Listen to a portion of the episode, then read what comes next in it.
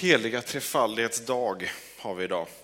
Som Daniel nämnde så inleder det trefaldighetstiden och eh, vi har en tid av högtider eh, bakom oss. Och då kan man fundera, högtider, fest eh, och mys, är det, är det slut med det nu? Börjar det, det hårda livet och den gråa vardagen? Till viss del så kan det nog vara sant. Livet och vardagen är, kan vara grått och det kan vara hårt. Men ordningen för det här är avgörande. Vi går in i trefaldighetstiden, vi går in i den här vardagen med högtiden och det som Gud har gjort för oss. Vi har det inte bara i ryggen utan vi har det i oss och med oss. Och då blir vardagen eh, och trefaldighetstiden eh, någonting helt, eh, någonting helt annat. Och temat som är för, för den här söndagen och som ligger till grund för, för hela tiden är Gud, Fader, Son och Ande. Gud själv, Guds väsen, är det som är grunden för det här. Och det är vad vi ska få dyka in i eh, idag, det lilla temat.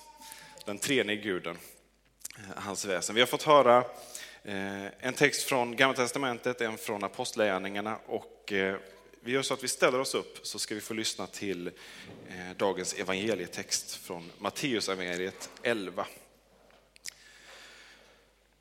Vid den tiden sa Jesus, jag prisar dig Fader, himlens och jordens Herre, för att du har dolt detta för de lärda och kloka och uppenbarat det för de som är som barn. Ja, Fader, så har du bestämt. Allt har min fader anförtrott åt mig och ingen känner sonen utom fadern och ingen känner fadern utom sonen och den som sonen vill uppenbara honom för. Så lyder det helige evangeliet. Lovad vare du Kristus. Varsågoda sitt.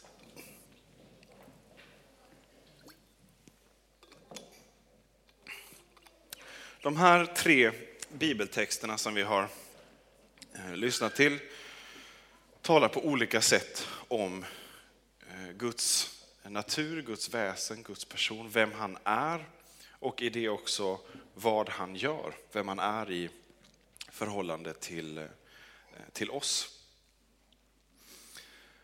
Och är det någon här som kanske tänker då att just det här med synen på Gud som treenig, det är väl ganska kristet? Har jag med er där? Ja. Det är typiskt kristet.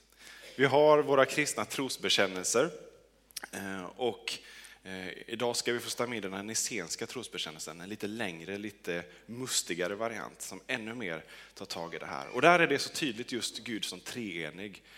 Eh, trosbekännelsen är uppdelad i tre artiklar, Fadern, Sonen och Anden. Och när man möter människor från andra religioner eller utan religion så kan just treenig treenigheten, Gud som treenig, vara eh, någonting man fastnar i och som blir en diskussion av hur är det ens möjligt och logiskt. Och kanske allra tydligast eh, om man möter muslimer eller judar som har en så tydlig uttalad tro på, eh, på Gud som en. Och har också lärt sig att kristna tror på tre gudar. Ofta är det det man har lärt sig. Eh, treenigheten som tre gudar och därmed avgudadyrkare och avfällingar. Och det kan vara intressant eh, att veta att det här är inte en särskilt kristen idé på så sätt att det är faktiskt en biblisk eh, idé. Och det är inte bara en idé, utan det är en uppenbarelse som Gud ger om sig själv. Och när eh, jag började kika på det här temat så lämpligt nog så var det en vän på Facebook som delade en artikel ett blogginlägg av en ortodox präst som eh, skrev om just eh, treenighetstanken i judisk tro innan kristendomen vann mark. Och hur eh, rabbin, judiska rabbiner såg i Gamla Testamentet hur Gud uppenbarar sig som tre personer. Som Fadern, Skaparen, som Anden och som den preexisterande Messias. Det fanns alltså som en uttalad tanke hos eh, många judar. Eh, och det verkar inte som att judar i allmänhet hade svårt att ta det här till sig i början av kyrkans tid. Sen när kyrkan vinner mark och verkligen eh, betonar sin bekännelse och judendomen, de som inte har tagit emot Jesus, ska definiera sig i förhållande till det här, då blir det någonting som man hugger på. De där som dyrkar tre gudar. Och så blir GT-texten som vi hörde idag så otroligt central att ta fasta på. Hör Israel, Herren vår Gud, Herren är en. I motsats till de kristnas tro till exempel. Men inte ens det eh, kan utrota Guds uppenbarelse om sig själv hos sitt förbundsfolk i sitt ord. För genom historien så fortsätter judar, judiska rabbiner, att läsa Guds ord. Och vad händer? Guds uppenbarelse kommer.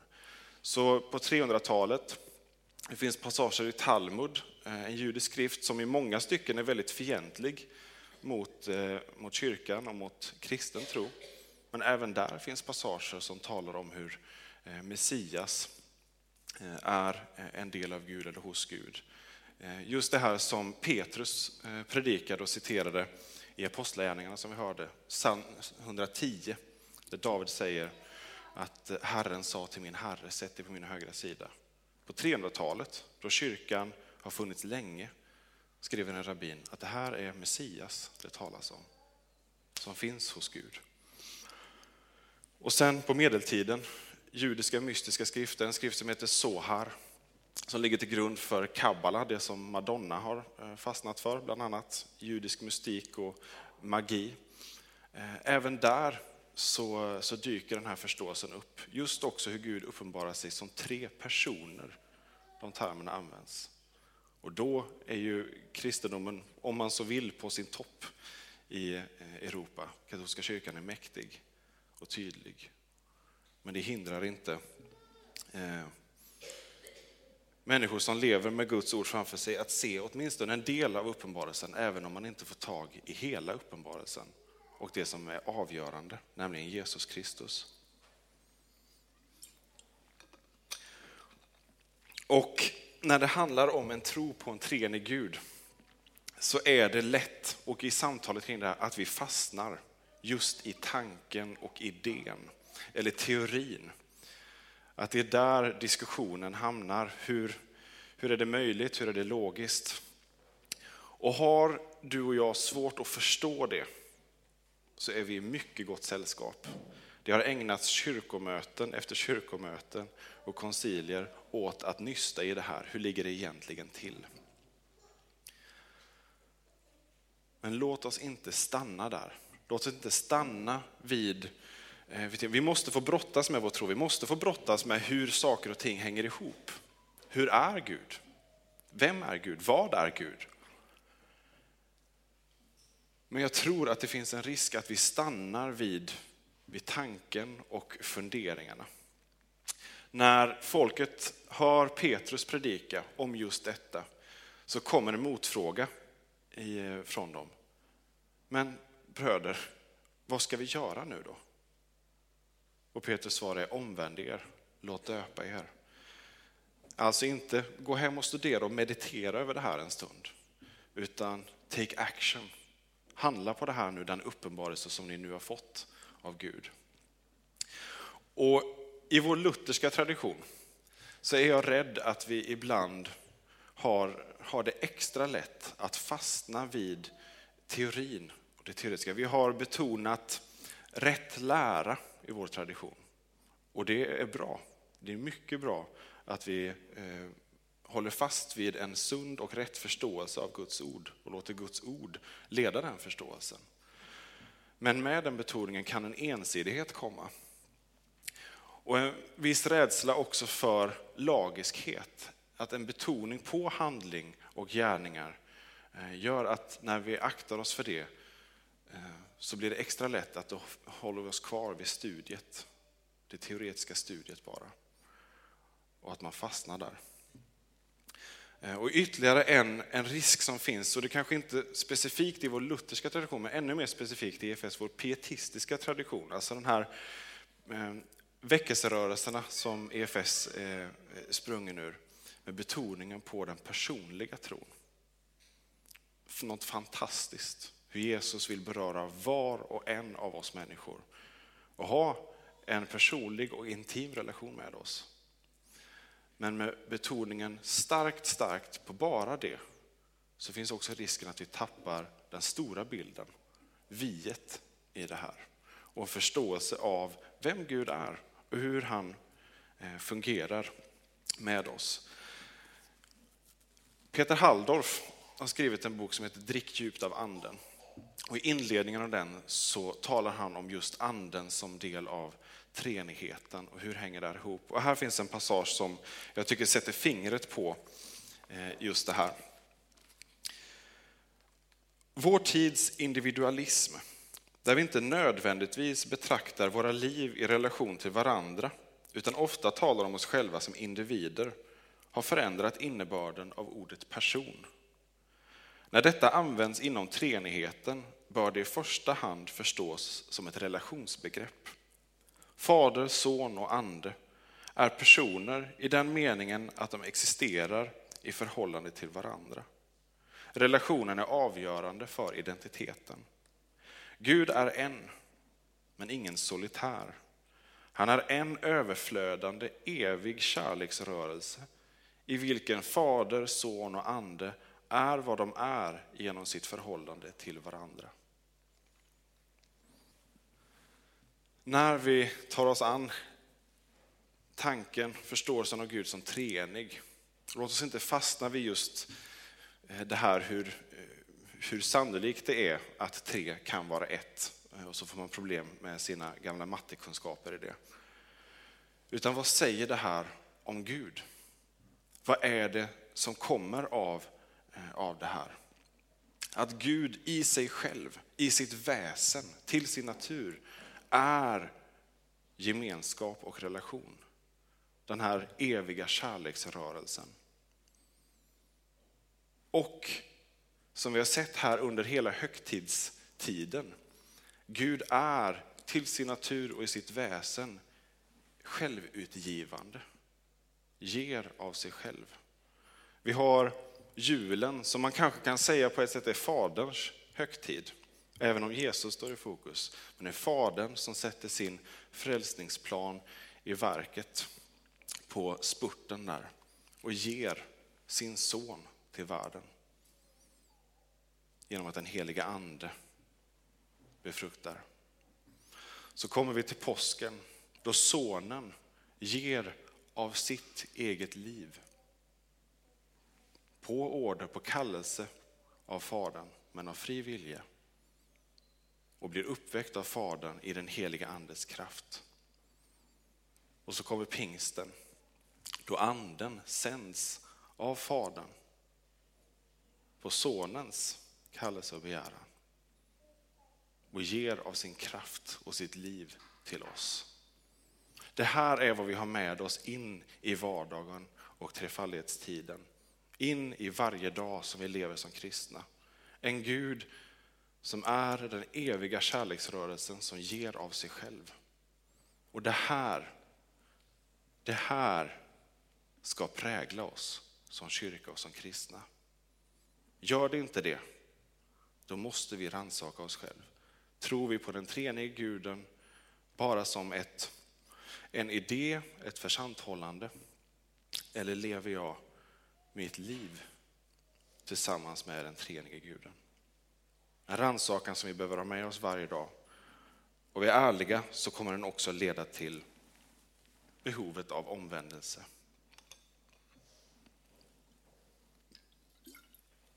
I evangelietexten som vi läste så prisar Jesus Gud. Och då gör han det precis efter en lång eh, rad av verop över städer, platser, människor som inte tar emot honom. Som inte tar emot Guds självutgivande kärlek. Och han sörjer över detta. Och han pekar på behovet av omvändelse. Men sen så vänder han det här till lovprisning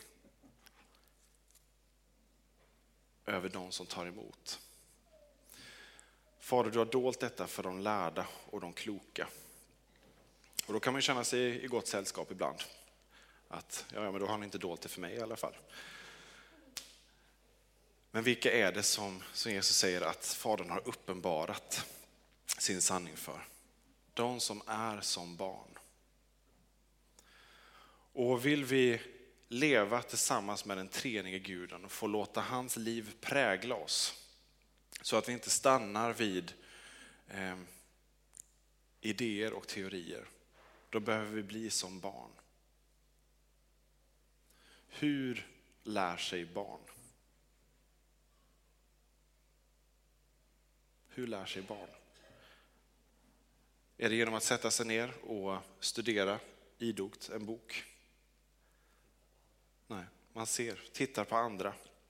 Man tar efter. Man imiterar. Man prövar. Man misslyckas, slår sig ganska hårt ibland. Men reser sig också ganska snabbt igen. Och så har man vid sin sida en förälder som leder, som bär, som är en förebild. Eh, och alla som är föräldrar eller har haft en förälder vet att det är på gott och ont som vi har våra föräldrar som förebilder. Men det finns en förälder där som ger av sig själv, som leder, som bär. Och så får barnet på det sättet uppenbarat för sig vad livet går ut på och får handledning, träning, vägledning genom att den lever tillsammans. Vi lever tillsammans som familj. Självklart så behövs också teorin. Eh, det behövs eh, trafikskolor och annat eh, som man lyssnar på och sätter ut små klistermärken på vägkorset. All, alla de här sakerna, det behövs. Självklart ska vi ha teorin. Missuppfatta inte det här som en antiintellektuell predikan. Självklart behöver vi studier, självklart ska vi ta oss an det här. Men det behöver ske tillsammans med praktiken.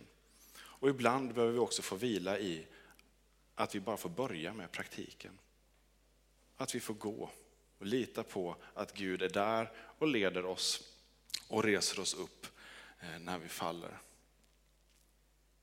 Guds väsen och vem Gud är kan inte förstås på avstånd. Det går inte. Många har försökt att på avstånd studera Gud. Och då ser man det som Paulus skriver om, tron som korset som en dårskap för världen. Men när vi kommer nära, när vi istället börjar närma oss korset, och står där och möter Jesus Kristus själv, Guds fulla uppenbarelse, då väcker det någonting i oss. Det kan väcka olika saker, men det väcker någonting i oss. Och det behöver vi handla på. En inbjudan om att få ta del av det här livet. Tacka ja till den inbjudan. När vi hänger oss i tillbedjan, när vi fäster våra ögon på Jesus, då, då får vi också möjligheten att börja förstå vem Gud är. Då får vi också möjligheten att frimodigt ta oss an studiet av Gud och brottas med, Eh, med vem Gud är, med hans plan för, för oss, med hans plan för mig. Men när vi håller Gud på avstånd så går det inte. Just treenigheten blev en enorm eh, brottningskamp för mig under min tid när jag bodde i Göteborg. Eh, jag stötte på ett gäng som eh, eh förnekade treenigheten, fanns i kyrkan, Eh, men med eh, inspiration från olika judiska eh, rörelser så hade man en förståelse av Jesus som liknar ganska mycket Jehovas vittnens förståelse. Jesus som människa, inte Gud. Ingen vanlig människa, men inte Gud. Gud är en, inte treenig. Och så många goda argument som de hade. Vi satt vecka efter vecka och diskuterade. Och till slut visste jag varken ut eller in. Eh, har, har kyrkan i 2000 år missuppfattat detta? Ja, det lät fullständigt logiskt när jag satt i diskussionerna med de här. Och sen så tog jag de här diskussionerna vidare med mina vänner, med min hemgrupp. Och eh, där så lät ju också alla argument precis lika logiska, sen så slets jag eh, mellan det här. Och eh, ett ödesdigert beslut under det året var att det här blir så jobbigt så jag vet inte längre vem Gud är. Så jag tar ett steg tillbaka. Vågar inte längre tillbe Gud. Sjöng vi salmer som eh, lovprisade den treenige så tog jag ett steg tillbaka. För jag vet inte längre vem Gud är. Och sen så eh, deltog jag på ett eh, möte med den här gruppen eh, på pingst. Eh, de hade ett möte i en av eh, allmogestugorna inne på Liseberg. Kanske 20-30 personer. Eh, lite olika seminarier över pingst där. Och så ett av seminarierna så, som handlade just om det här hur vi kan veta att Jesus inte är Gud i princip. Så var det någonting som högg till i mig. Jag var tvungen att gå ut och så skickade jag några sms till några vänner som jag delat den här brottningskampen med, som eh, bad för mig och sen gick jag in igen och när det mötet var slut så kände jag, nej, jag, eh, här är inte bra för mig att vara. Så gick jag ner, vad händer då? Jag går förbi Lisebergshallen, vad händer där? Och där har Oasrörelsen sitt pingstmöte.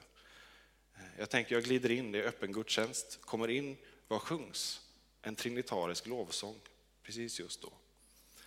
Jag går in och tänker, jag vet ingenting längre, men jag tänker lova dig för den du är och lita på att du uppenbarar dig. Börja tillbe och sjunga och där någonstans landar jag i en förståelse av en Gud. Inte alls utifrån kunskap om hur treenigheten förhåller sig till varandra, men att Gud är den han är och att vi möter honom i tillbedjan och på hans inbjudan. Och i det mötet så kan han få demontera lögner och montera upp eh, sin sanning i oss. Det är en inbjudan från hans sida. Kom, låt mig få uppenbara för dig vem jag är. Och i det låt mig få uppenbara för dig vem du är, vem jag har skapat dig till. Och så får vi göra den här vandringen tillsammans med Gud. Där han som vår fader får visa oss vägen och vi får imitera, ta efter, pröva och leva det här livet. Och upptäcka också efterhand att det är sant och det håller.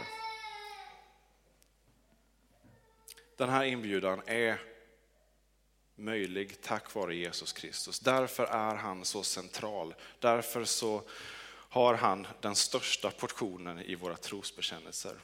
Därför blir det också en stötesten för våra judiska vänner, för våra muslimska flyktingar som vi möter i Sverige. Kanske inte så mycket treenighetstanken i sig, men det som är utlovat att bli en stötesten, nämligen Jesus Kristus. Det är han som är skillnaden. Inte förståelsen av religion, si eller så. Men Jesus Kristus, i mötet med honom som är vägen, sanningen och livet, så möter vi också Guds uppenbarelse om vem han är. Han är den som ger av sig själv med evig kärlek. Vi som kyrka är kallade att imitera att bli lika honom i det. Vi är skapade till Guds avbild. Och jag lägger betoningen på kyrka här, för självklart är vi ett gäng individer som alla här har ansvar för, för våra liv och vår vardag. Men vi som kyrka, vi har den här kallelsen. Att få bli formade av honom som är evig kärlek och gemenskap, som ger av sig själv. Så att det också är det som präglar oss som kyrka. Sen har vi olika säsonger, vi har olika dagar. Vardagen är olika grå för oss. Där vi känner att det här, jag orkar inte. Det funkar inte. Där behöver vi förstå just det här med gemenskapens väsen och natur. Det här är ingenting vi står ensamma i. Gud har valt att uppenbara sig här i världen efter pingsten genom kyrkan som Kristi kropp. Det är så Gud manifesterar sig. Att få vara en del av det är någonting fantastiskt. Både i dagar av glädje och i dagar av sorg. För det håller hela vägen igenom. Och det kommer an på, på vårt svar på det initiativ som Gud tar. En inbjudan om att få leva ett helt liv tillsammans med honom. Med ord och handling. Och trefaldighetstiden får vara tiden, perioden, då vi får sätta det i verket och lita på att det som Gud har initierat, det som han har inlett, det kommer han också slutföra genom sin kyrka. Nämligen att uppenbara sin kärlek för världen genom Jesus Kristus. För att var och en som tror på honom inte ska gå under utan ha evigt liv.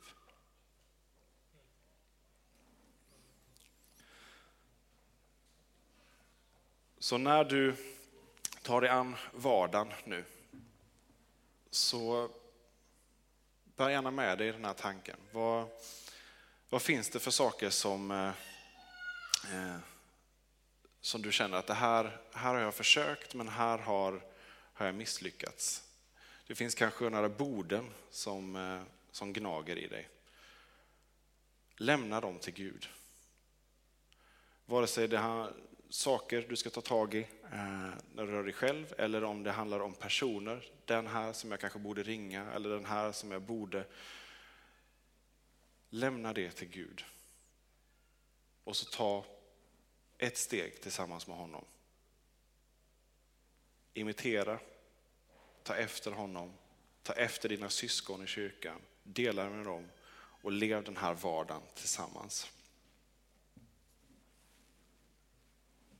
Vi ska nu alldeles strax få ställa oss upp tillsammans och bekänna vår kristna tro. När vi gör det så är det med den nicenska trosbekännelsens ord. En bekännelse som formulerades i slutet av 300-talet. Den apostoliska bekännelsen kallar vi den som, som vanligast att vi använder. Den nicenska trosbekännelsen går ännu lite mer på djupet, ger svar på mycket av de diskussioner, eh, kritik, ifrågasättanden som kom från rörelser i och runt kyrkan. Eh, med längtan och målet att få uttrycka ännu mer av Guds sanning och vem han är. Så eh, låt oss tillsammans ställa oss upp och bekänna vår tro. Jag tror på en enda Gud, allsmäktig Fader, skapare av himmel och jord, av allt vad synligt och osynligt är och på en enda Herre, Jesus Kristus, Guds enfödde Son, född av Fadern före all tid. Gud av Gud, ljus av ljus, sann Gud av sann Gud, född och icke skapad, av samma väsen som Fadern, på honom genom vilken allting är skapat, som för oss människor och för vår salighets skull har stigit ned från himmelen och tagit mandom genom den helige Ande av jungfrun Maria och blivit människa. Som och har blivit för oss korsfäst under Pontius Pilatus, lidit och blivit begraven, som på tredje dagen har uppstått efter skrifterna och stigit upp till himmelen och sitter på Faderns högra sida, därifrån igenkommande i härlighet till att döma levande och döda, på vilkens rike icke ska vara någon ände, och på den helige Ande, Herren och livgivaren, som utgår av Fadern och Sonen, på honom som tillika med Fadern och Sonen tillbedes och äras, och som har talat genom profeterna, och på en enda helig, allmännelig och apostolisk kyrka. Jag bekänner ett enda dop till syndernas förlåtelse och förväntar det dödas uppståndelse och den tillkommande världens liv.